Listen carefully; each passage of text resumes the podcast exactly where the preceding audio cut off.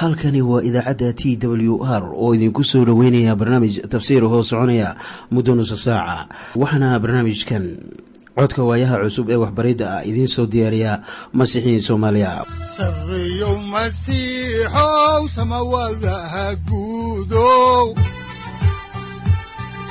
siraadkii adduunkow subanaha eebow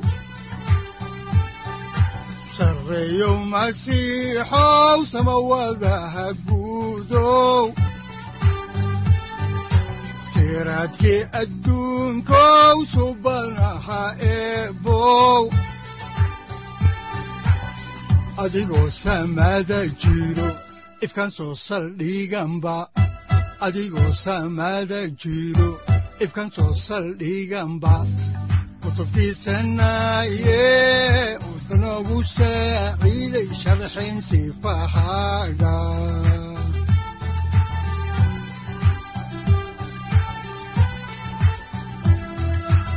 kutubtiisinayo ebanagu saaciid sharxin sifahaaga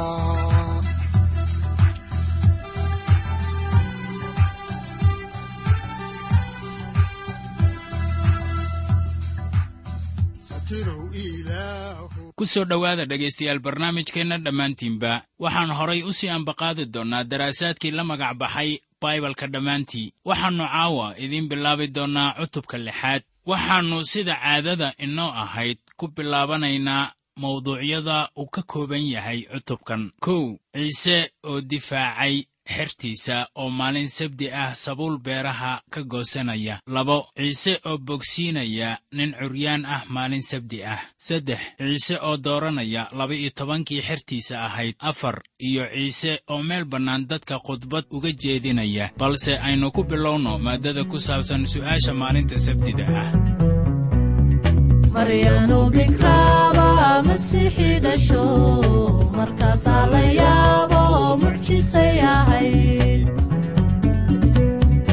iyadoo rag moogbay malaa'ig salaanto markaasay uruudu mucjisay ahayd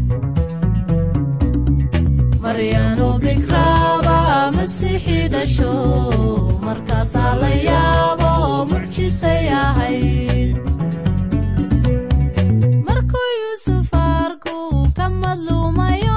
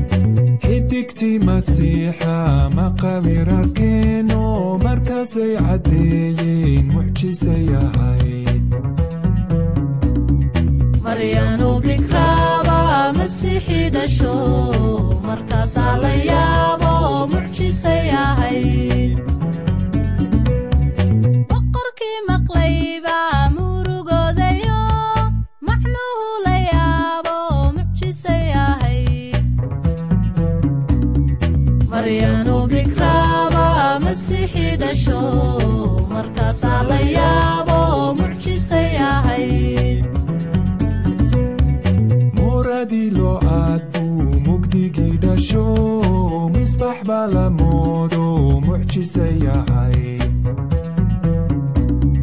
maryanu bikraaba masiixii dhasho markaasaa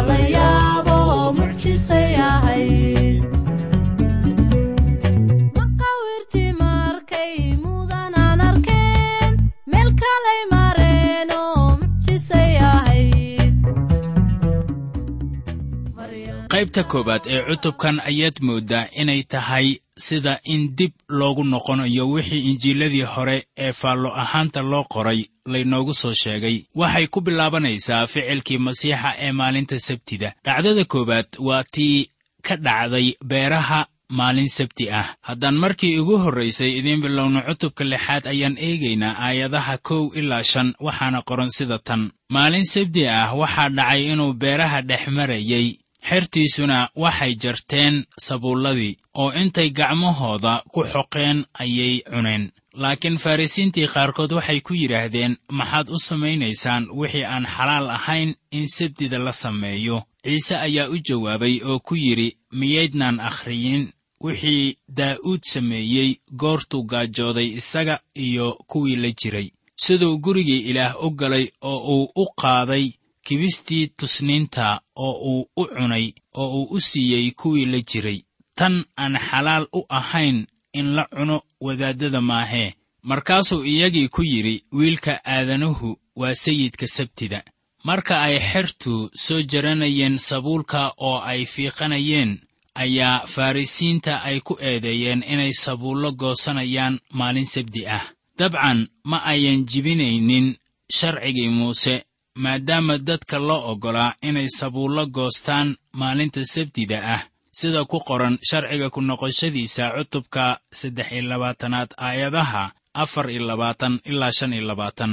Haddii ay baangad ku goyn lahaayeen waxaa la odhan kari lahaa waxay ku jiraan beergurasho laakiin farrisiinta ayaa sida ay doonaan u fasiranayeen sharciga waxayna u fasirteen ficilkii xerta inay sharciga jibinayaan sayidkeennu kuma uusan adkaysan inaanay jibinin sharcigii sabtida balse wuxuu diiday inuu xaalkaasi kula murmo iyaga. Wuxuu soo xigtay dhacdo beri hore ahayd oo nebi daa'uud uu jebiyey sharcigii muuse oo welibana asbaab lahayd. Waxa uu dadka u caddaynayey in waxa sharcigu uu leeyahay aanay sidaa u buurnayn marka la eegayo khatarta saaran addoonka ilaah sida daacadda ah xertu way gaajaysnaayeen oo waxaa sabab u ahaa raacitaankii ay ciise masiix soo raaceen. Waxaa taasi ku xigay dhacdadii maalinta sabtida ee ka dhacday sunagoogta aynu eegno injiilka sida luukas uu u qoray cutubka lixaad aayadaha lix ilaa kow iyo toban waxaana qoran sida tan. Waxaa sabti kale dhacday inuu sunagoga galay oo wax ku baray halkaasna waxaa joogay nin gacantiisa midgeed engegnayd culimmadii iyo farrisiintii ayaa fiirinayey inuu sabtida wax bogsiinayo iyo in kale si ay ugu helaan wax ay ku ashtakeeyaan. Isaguse wuxuu gartay fikirradoodii goortaasuu ninka gacanta engegan ku yidhi kac oo dhexda isa soo taag. Wuuna kacay oo istaagay. Ciise wuxuu ku yidhi wax baan ku weydinayaa. Sabtida ma xalaal baa in wanaag la falo ama shar in naf la badbaadiyo ama in la dilo. Markaasuu isha wada mariyey wuxuuna ninkii ku yidhi gacantaada soo taag. Markaasuu yeelay sidaas gacantiisuna waa bogsatay. Markaasay aad u caroodeen oo waxay ka wada hadleen waxay ciise ku samayn lahaayeen ninkii gacanta engegnaa ayaa ciise halkaasi loo soo dhigay. Sida aad xaqiiqsan karto markii ay sidaas yeeleen ayay sayidkeenna u soo jiideen ammaan dheeraad ah. Waxay rumaysnaayeen inuu bogsiin karo waxaanay rumaysteen inuu bogsiiyey. Waxay garanayeen inuu awood iyo naxariisba leeyahay. Aad bay ugu saxsanaayeen qiimeyntooda sayidkeennu ninkii wuu bogsiiyey dabeetana cadowgiisii ayaa fursaddan u isticmaalay inay ku eedeeyaan inuu jibiyey sharcigii maalinta sabtida. Injiilka sida matayas uu qoray ayaa inoo sheegaya in wixii maalintaa ka dambeeyey ay raadinayeen tab ay ku dilaan. Haatanna aynu eegno maaddadan kale ee ah ciise oo dooranaya laba-iyo tobankii xertiisa ahaa sidaan horayba u soo sheegnay qaar ka mid ah xerta ayaa la baray markii uu yeruusaalem aadayey dabeetana isagoo maraya xeebta badda galilii ayuu u yeedhay raggaas. Dabeetana waxay ku laabteen kalluumaysigoodii. Mar kale ayuu u yimid oo u yeedhay markaasoo sida qoran laynoo sheegay inay wax waliba isaga daraaddiis u daayeen. Haatan waxaynu soo gaarnay heerkii saddexaad wuxuuna ka doortay caddad xer ah oo aan la carrabaabin laba-iyo toban nin oo rasuullo u noqda haddaan horay u sii ambaqaadno injiilka sida luukas oo u qoray cutubka lixaad aayadaha laba-iyo toban ilaa lix iyo toban ayaa waxaa qoran sida tan. Maalmahaas waxaa dhacay inuu buurta u baxay inuu tukado. Habeenkii oo dhan wuxuu waday inuu ilaah u tukado.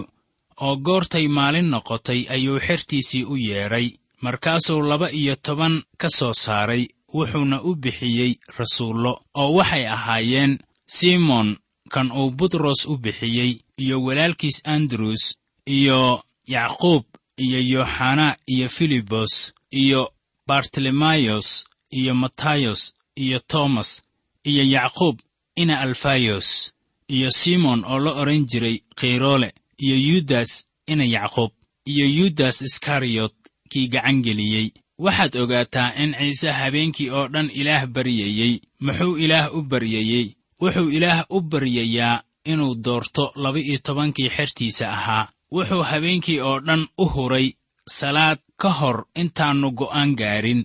Waxaa haddaba ogaataa in ilaah uu doorto dadkiisa. Waxaa haddaba jira kuwo badan oo la xulay ama la soo xulay laakiin bal ka fakar waxa ku qoran injiilka sida yooxanaa uu u qoray cutubka shan iyo tobanaad aayadda lix iyo tobanaad. Waxaana qoran qayb ahaan idinku ima aydnaan dooran laakiinse anaa idin doortay. Qidcadanu si weyn bay ii qalbi qaboojisay ama aan u jeclaystay. Bilxaqiiqa ma aanan jeclayn ku wacdiya iyo wadaadnimadaba. Markaana anigu uma aanan yeedhin ciise masiix laakiin isagaa iigu baaqay hawshan aan iminka u hayo.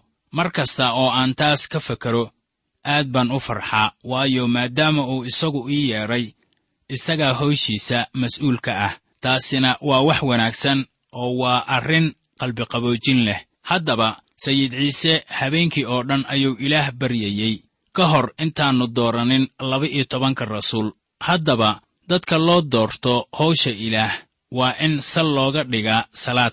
Go'ii elyaasna si lama filaana uguma uu dhicin elisha. Waayo waxaa waxyigu ahaa haddii go'a elyaas uu ku soo kordhaco elisha in elisha uu helayo ruuxii elyaas waxayse ahayd wax ilaah uu siiyey. Haddaba baryaha kan sida kiniisaddu ay u doorato niman ilaah u adeega ayaan la mid ahayn sida heerka ilaah uu yahay. Waxaannu raacnaa dareenkeenna waxaanan la tashannaa garaadkeenna. Waxaan isticmaalnaa usha dadku wax ku cabbiraan. Intii aan qaadan lahayn tan ilaah dadkiisa uu ku qiyaaso. Waa inaan wakhti u hurnaa inaan ilaah la tashanno. Intaynan go'aan gaarin. Haatanna aynu eegno maaddadan kale ee ah ciise oo dadka ugu khudbaynaya meel bannaan ah.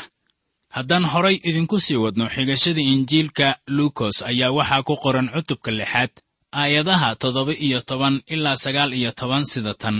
Markaasuu hoos ula degay bannaan ayuu istaagay isaga iyo qaar badan oo xertiisa ah iyo dad badan oo yuhuudiya iyo yeruusaalem iyo xeebaha turos iyo sidon uga yimaadeen inay maqlaan iyo in cudurradooda laga bogsiiyo oo kuwa jinniyo wasakh leh dardareenna waa la bogsiiyey dadkii badnaa oo dhan waxay doonayeen inay taabtaan isaga waayo xoog baa ka soo baxay oo wada bogsiiyey. Sidaan horayba u idhi dad badan ayaa markan la bogsiiyey. Maalmihii sayidkeenna ayaa cilmiyan la daweeyey dad fara badan. Ma jirin diilin dadka ay ku bogsanayeen ama gacan la saarayey amase in dadku horay iyo gadaal ay isku buurtaan. Dadka sayidku bogsiiyey wax laga doonayey ma lahayn. Sayidkeennu meel kore ayuu ka bogsiin karayaa. Bogsiinta sayidkeennu sameeyey waa mid dhab ah waxaana caddaynaya hadalladan ditor luukos uu inoo sheegayo. Haddaba anigu ma rumaysni dadka yidhaahda rumaysad baan wax ku dawaynayaa laakiin waan rumaysanahay in dadku rumaysadkooda ku dawoobaan waxaan markaasi leeyahay dadku dhibaatadooda ha u geysteen dhakhtarka weyn. Isagu waa dhakhtar wanaagsan oo aad kala hadli kartaan xaaladihiinna caafimaad oo weliba idin weyddiisan maayo qarash lacageed amase idinku odhan maayo qof hebel ii soo mara si uu xaalkiinna ii soo gaarsiiyo. Haatan waxaannu soo gaarnay waxa dadku ay ugu yeedhaan khudbadii buurta haddaba khudbadii buurta buur laguma jeedinin oo waxaa laga jeediyey meel siman oo bannaan. Dabcan khudbadii buurta waxaa laga soo jeediyey buur sida ku qoran injiilka sida matayos uu u qoray.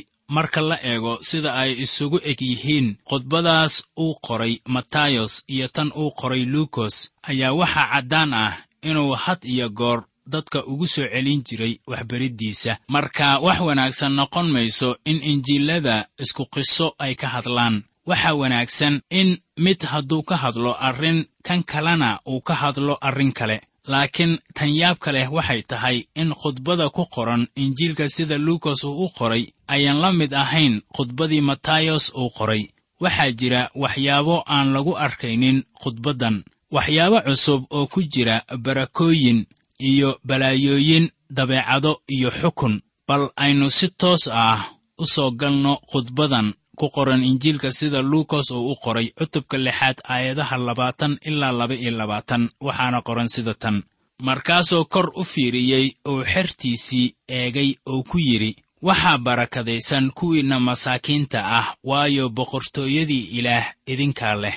Waxaa barakadaysan kuwiinna haddeer gaajaysan waayo waad dhergi doontaan. Waxaana barakadaysan kuwiinna haddeer ooyaya waayo waad qosli doontaan. Waad barakadaysan tihiin goortii dadku idin nabcaado oo goortay dhexdooda idinka saaraan oy idin caayaan oy magacyadiinna sida wax shar leh u tuuraan wiilkii aadanaha aawadiis ilaa laga soo gaaro aayadda laba iyo labaatanaad waxaad mooddaa khudbaddan luukos qoray inay la mid tahay tan matayos ee loo yaqaanno khudbadii buurta. Sayidku wuxuu dadka ku baray isla waxbariddaas meelo kala duwan iyadoo welibana wixii uu lahaa ay qaab ahaan kala duwanaayeen. Ka bilaabata aayadda saddex iyo labaatanaad fikrad cusub ayaa ka muuqanaysa injiilkan haddaan halkaasi ka sii wadno xigashada ayaa waxaa qoran sida tan. Maalintaas reerreeya oo farxad ku boodbooda waayo bal ogaada abaalgudkiinnu wuu ku weyn yahay jannada. Waayo awoowayaashood sidaasay nebiyadii ku samayn jireen. Aayadda saddex iyo labaatanaad waxay ka hadlaysaa sidii marxabaynta iyo dabeecadda dadka ay ahayd markii nebiyada ilaah dunida ay yimaadeen. Nebiyada dhabta ah waxay u hadli jireen ilaah waana la silcin jiray. Nebiyada beenta ahina si been ah ayay ilaah ugu hadli jireen dadkuna way jeclaan jireen.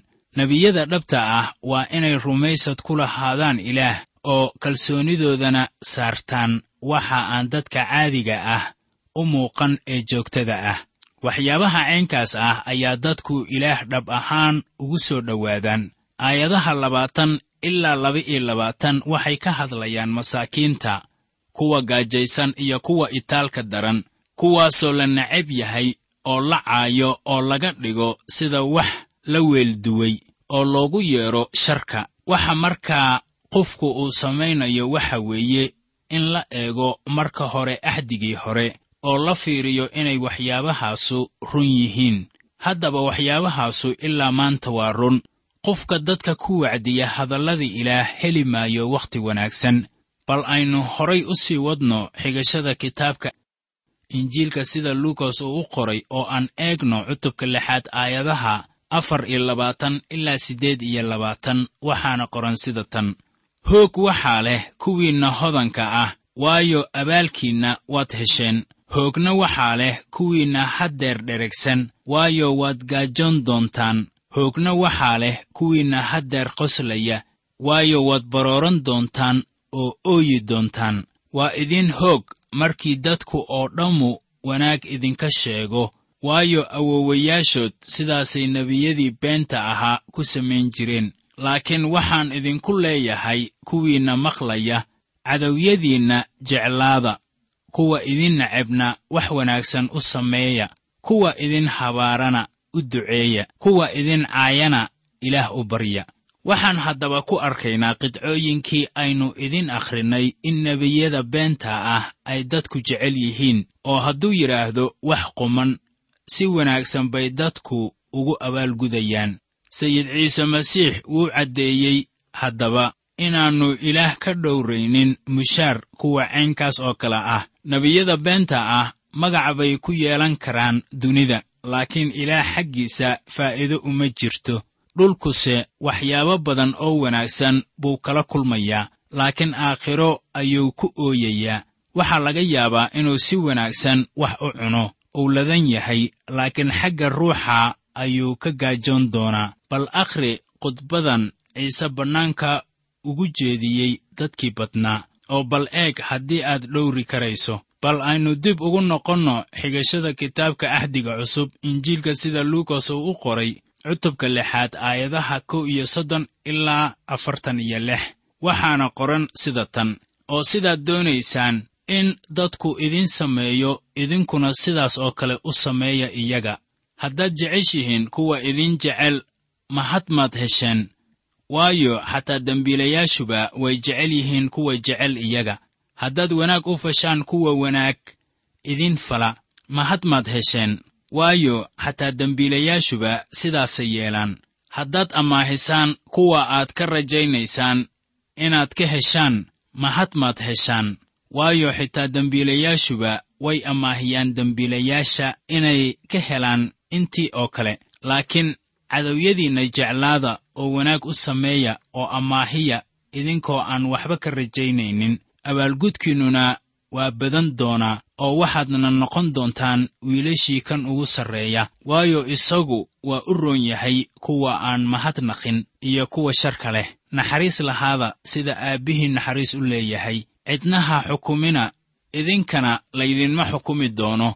Ninna wax ha ku garaynina. Idinkana wax laydinkuma garayn doono dhaafa oo waa laydin dhaafi doonaa siiya oo waa laydin siin doonaa qiyaas wanaagsan oo hoos u riixan oo ruxruxan oo buux dhaafaya ayaa laydinku siin doonaa faraqiinna. Waayo qiyaastii aad ku qiyaastaan ayaa laydinku qiyaasi doonaa markaasuu masaal kula hadlay indhoole indhoole ma hagi karaa labadooduba miyaanay god ku dhici doonin. Qof xer ah macallinkiisa kama sarreeyo laakiin mid walba markuu wanaag u dhan yahay wuxuu noqon doonaa sida macallinkiisa oo kale. Saxarka isha walaalkaa ku jira maxaad u aragtaa? Dogobka ishaada ku jirase aad u fiirsan weydaa. Sidee baad walaalkaa ugu odhan kartaa? Walaalow iddaa saxarka ishaada ku jira aan kaa saaree adiga oo aan arkaynin dogobka ishaada ku jira.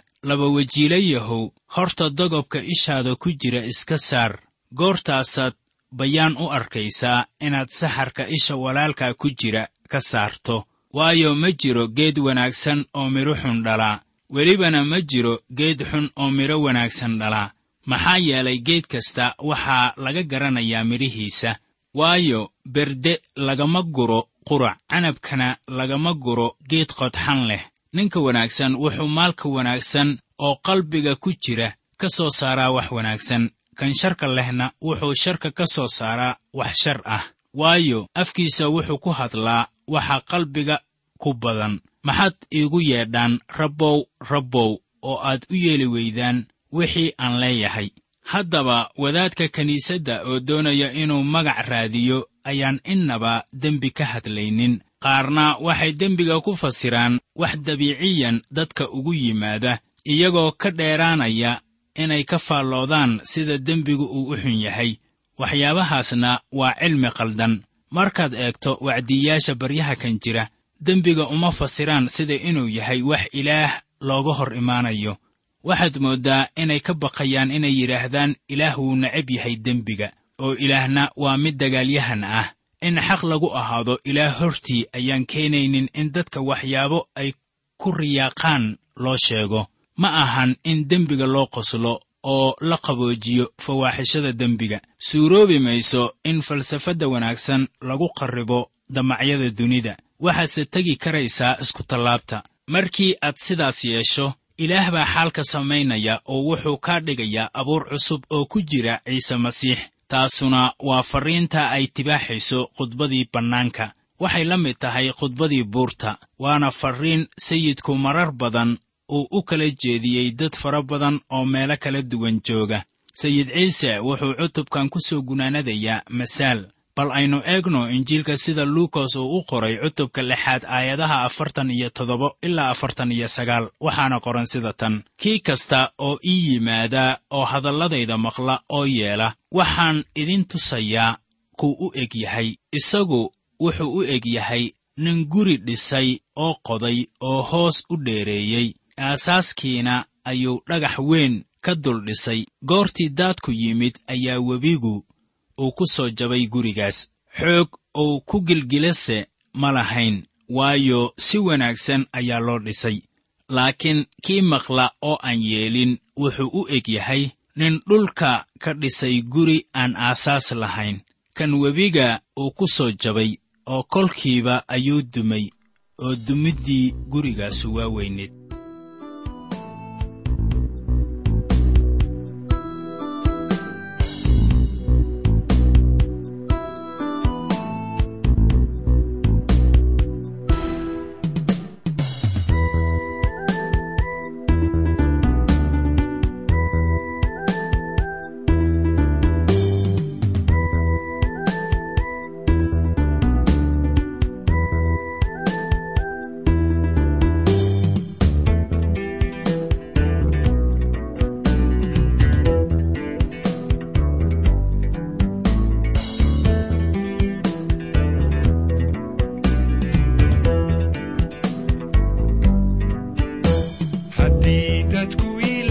ila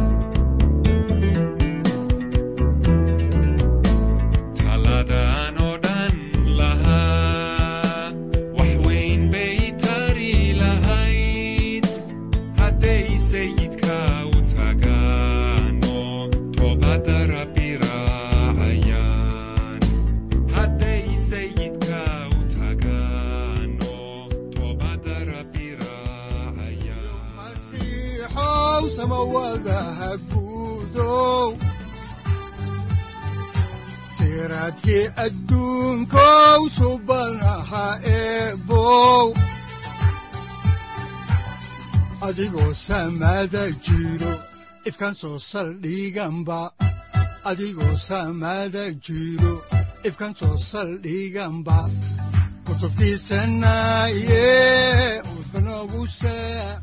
halkani waa t w r idaacadda t w r oo idinku leh ilaa ha idin barakeeyo oo ha idinku anfaco wixii aad caawi ka maqasheen barnaamijka. Waxaa barnaamijkan oo kalea aad ka maqli doontaan habeen dambe.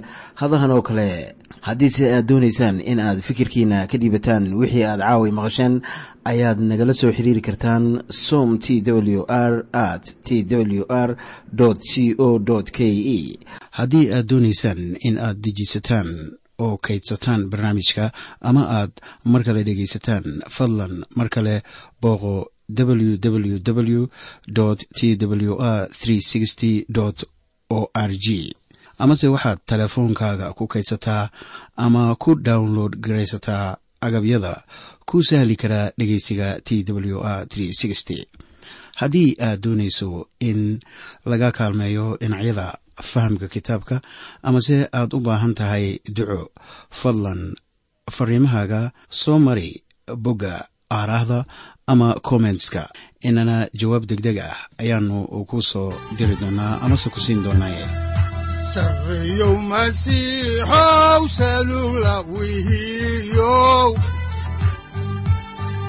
saacadda timid dhulka sabada ku dhalatiyo